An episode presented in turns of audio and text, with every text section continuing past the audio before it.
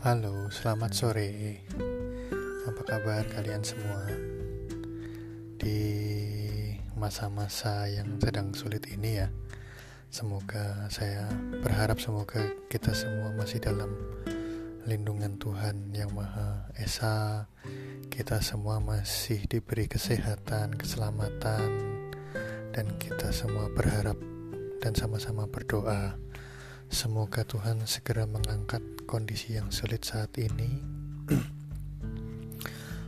untuk kemudian kita bisa menjalani kembali aktivitas kita secara normal seperti sedia kala. Amin. Uh, daripada mungkin mungkin daripada banyak yang bosan ya, udah banyak yang boring mungkin saya nggak tahu yang sudah mungkin sudah menjalani work from home lebih dari satu minggu, lebih dari beberapa hari atau bahkan sudah lebih dari dua minggu atau sudah mungkin sudah satu bulan work from home. Mungkin kan bosan ya. Nah saya mau nemenin kalian deh. Mau nyoba-nyoba nemenin kalian nih. Kita ngobrol bebas lagi kali ini kita enaknya ngobrol soal apa ya? Uh, mungkin gini. Pernah nggak sih kalian tuh ngalamin hal yang uh, gini deh uh, kalian kalian nggak suka sama sesuatu. Kalian tidak punya minat terhadap sesuatu gitu terhadap satu hal. Tapi kemudian di kemudian hari di kemudian hari kita, pada kenyataannya kita harus menjalani hal yang tidak kita suka itu tadi atau kita harus merasakan hal yang tidak kita suka itu tadi gitu. Seperti misal saya saya sendiri saya saya mengangkat diri saya sebagai contohnya agak-agak narsis ya mohon maaf. Jadi saya tuh dulu nggak nggak suka dengan India. Entah kenapa jadi uh, entah kenapa saya dari pas masih kecil itu ya ya kan di rumah ada pembantu.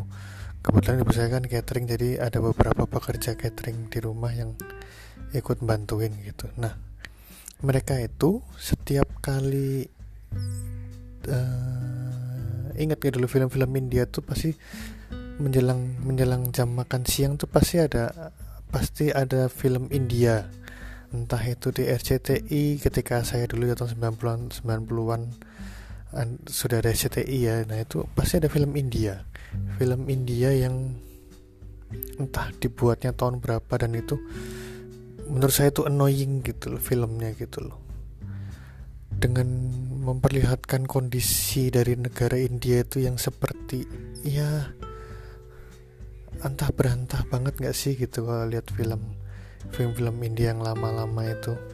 Dan dari situ saya saya saya hanya saya hanya uh, saya hanya berkata dalam hati saya kayaknya saya tidak ada minat sedikit pun deh untuk tinggal di negara-negara seperti India atau sekitarnya dah. Gitu. Karena karena ya begitu tadi gitu. Apa ya namanya uh, Iya, isi iya ya jujur aja ya isinya isinya tuh orang miskin di mana-mana gitu kan. Terus uh, ya huk ya secara idealis saya bisa katakan hukumnya begitu gitu kan. Siapa yang punya uang dia yang menang, siapa yang punya uang dia dapat membeli keadilan dan sebagainya. Saya nggak tertarik sama sekali loh. Dan saya tuh selalu yang dan apa ya ketika orang-orang yang bantuin pekerja-pekerja yang di rumah ibu saya itu minta mas pasangin lah mas film India mas. Itu saya ya nggak suka banget gitu loh. Dengan durasi film yang panjang tuh mereka bisa nonton sambil membantu ibu saya untuk bikin kue-kue atau membantu ibu saya nyetrika atau ngepel gitu loh.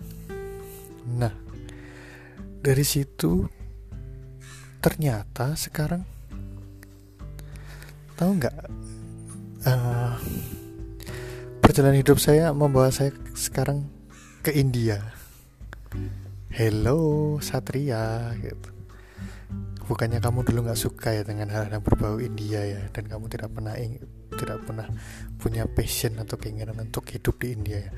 Dan sekarang saya harus tinggal di India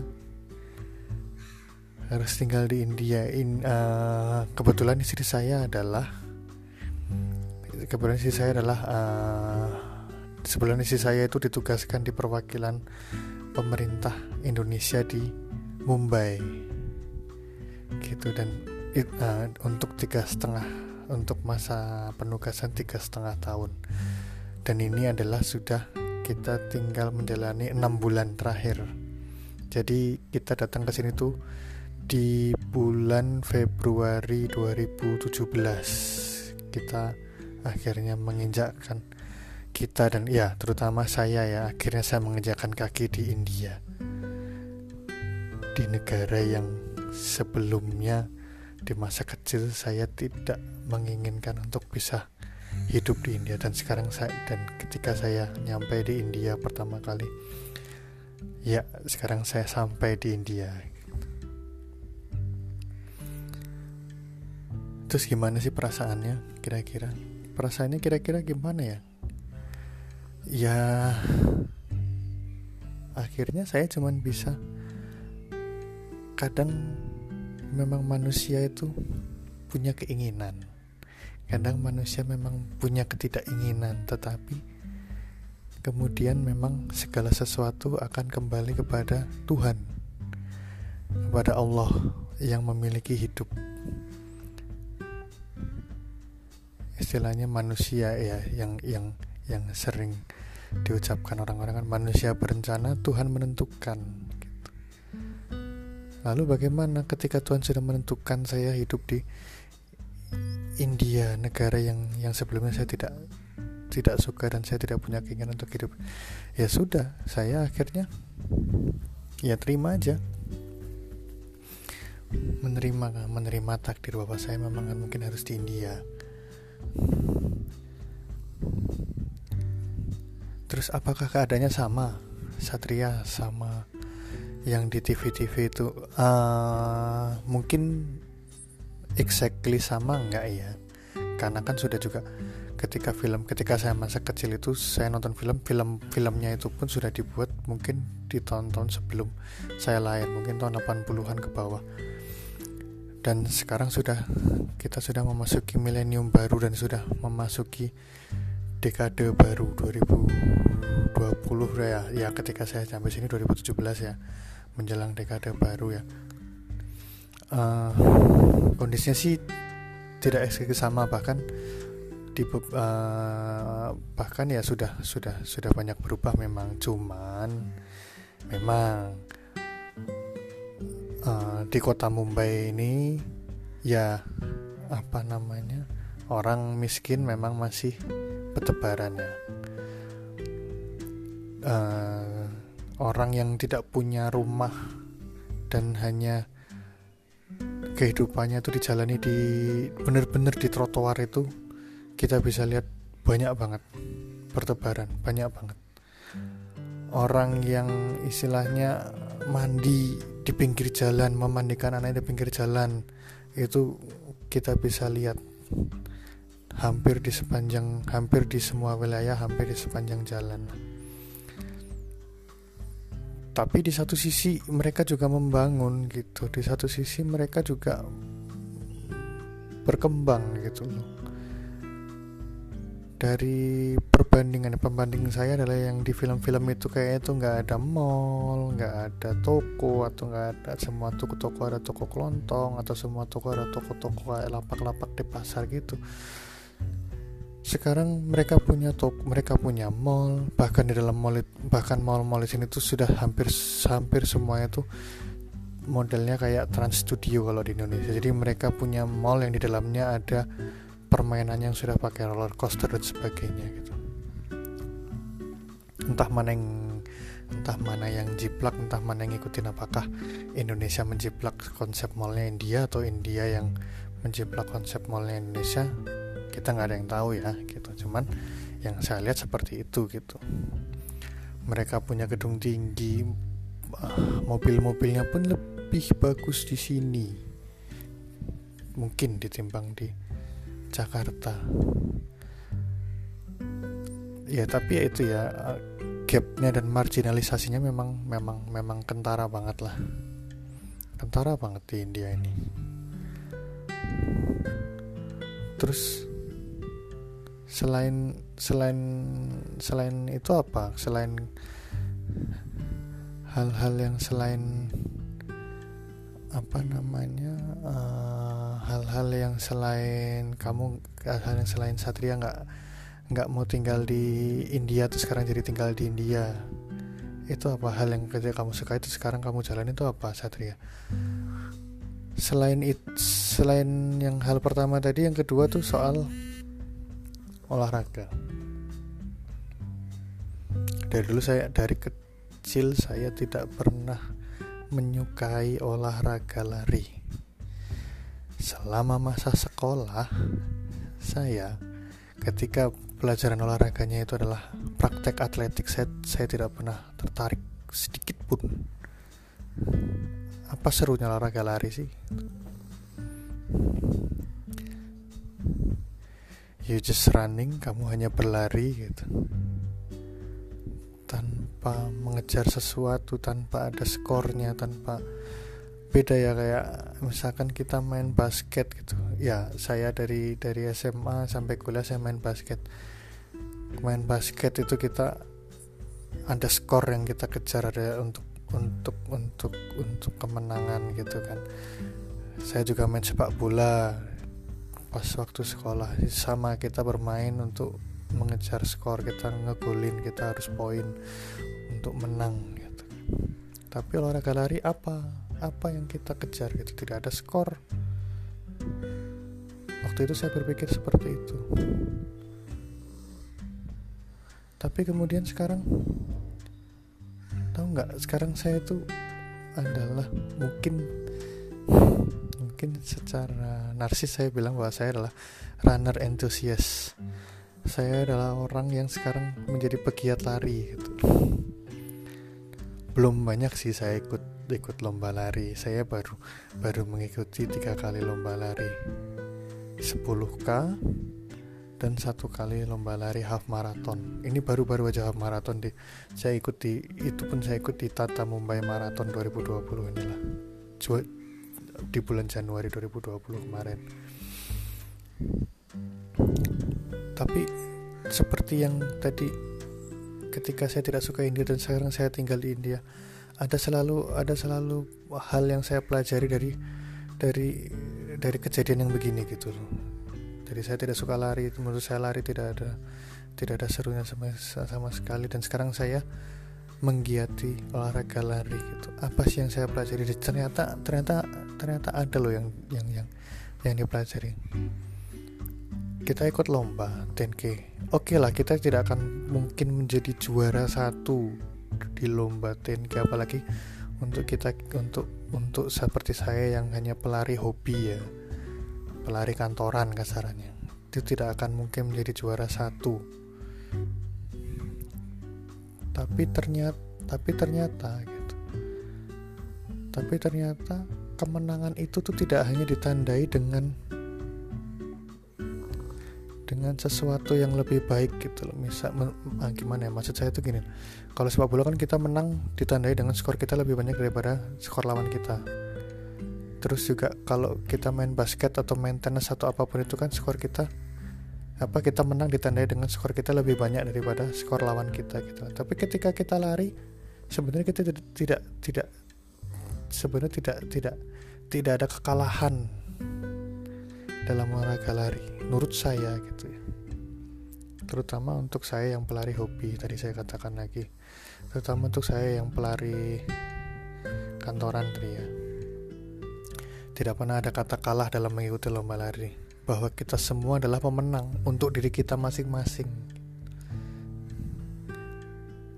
Saya ya ya untuk ikut lomba lari kan mesti mesti persiapan ya. Saya latihan saya dibantu sama sama ada teman saya beberapa yang yang juga pelatih.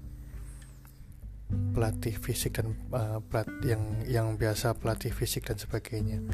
Saya dikasih program kita kan latihan ngikutin ngikutin program mereka gitu. Kita latihan berapa bulan sebelum gitu sebelum sebelum sebelum lomba dan dan itu ya sama, sama kayak mungkin kalau atlet-atlet mempersiapkan dirinya untuk kejuaraan gitu sama. Cuma intensitasnya kita lebih rendah. Nah ketika di di ketika sudah dalam masanya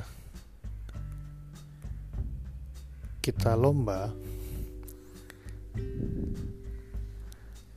dan kita start kita menjalani lomba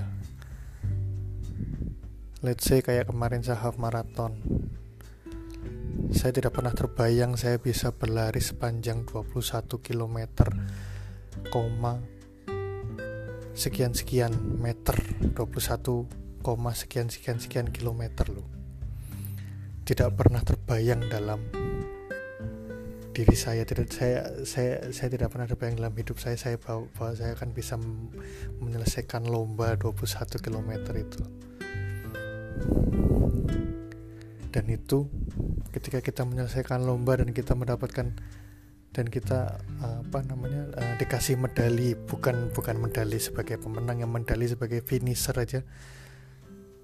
Dengan kenyataan bahwa, bahwa bahwa kita sudah melampaui target kita yang tadinya tadinya kita tidak bisa tidak pernah terpikir untuk lari sepanjang 21 km tuh kemudian kita dapat medali karena kita sudah finish lari 21 km tuh itu itu sudah kemenangan tersendiri loh serius itu yang saya pelajari jadi bahwa kemenangan itu tidak tidak selalu tentang skor yang lebih banyak seperti di olahraga permainan tapi kemenangan itu juga juga juga bisa dirasakan ketika kita bisa melampaui target atau kita bisa melampaui batas yang selama ini kita pikir kita tidak mampu ternyata kita mampu gitu. jujur aja dulu sebelum saya menggiati lari ini berat saya 115 kg even untuk berlari sepanjang 2 km aja udah ngap-ngapan. Nafasnya Senin Kemis. Dan sekarang saya bisa menyelesaikan lomba lari 21 km menurut saya itu wow saya melampaui batas saya gitu.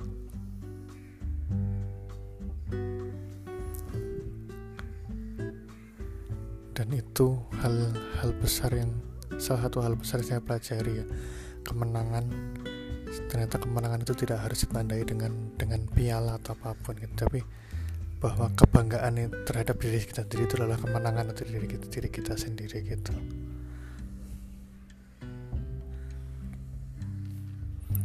apa pengalaman lainnya Satria? Pengalaman lainnya banyak sih. Saya coba ingat-ingat dulu ya. Nah kalau kira-kira teman-teman punya nggak pengalaman yang sama kayak saya yang kayak tadi itu. Saya nggak suka tinggal di India terus ternyata sekarang tinggal di India. Dulu pas masih sekolah saya tidak suka dengan olahraga lari itu sekarang saya menjadi sekarang saya menjadi runner entusias saya menjadi penggiat olahraga lari nah sekarang teman-teman teman-teman sendiri punya nggak sih pengalaman yang sama dan dan kira-kira apa sih yang yang yang dipelajari yang hal yang bisa dipelajari dari dari pengalaman itu gitu? Oke gitu dulu teman-teman. Semoga teman-teman pendengar semua uh, tetap semangat tetap bersemangat dalam menjalankan aktivitasnya walaupun di kondisi yang tidak normal ini ya gitu. Semoga kalian tetap semangat. Kita tetap berdoa untuk kondisi yang lebih baik. Terima kasih sudah mau mendengar obrolan bebas. Jangan bosan-bosan ya kalau memang kalau memang sekiranya podcast saya ini uh, kurang menarik please lah kasih saya masukan atau kritik saya nggak apa-apa supaya saya bisa lebih supaya saya bisa lebih baik dalam memproduksi podcast. Oke teman-teman terima kasih. Wassalamualaikum warahmatullahi wabarakatuh. Selamat sore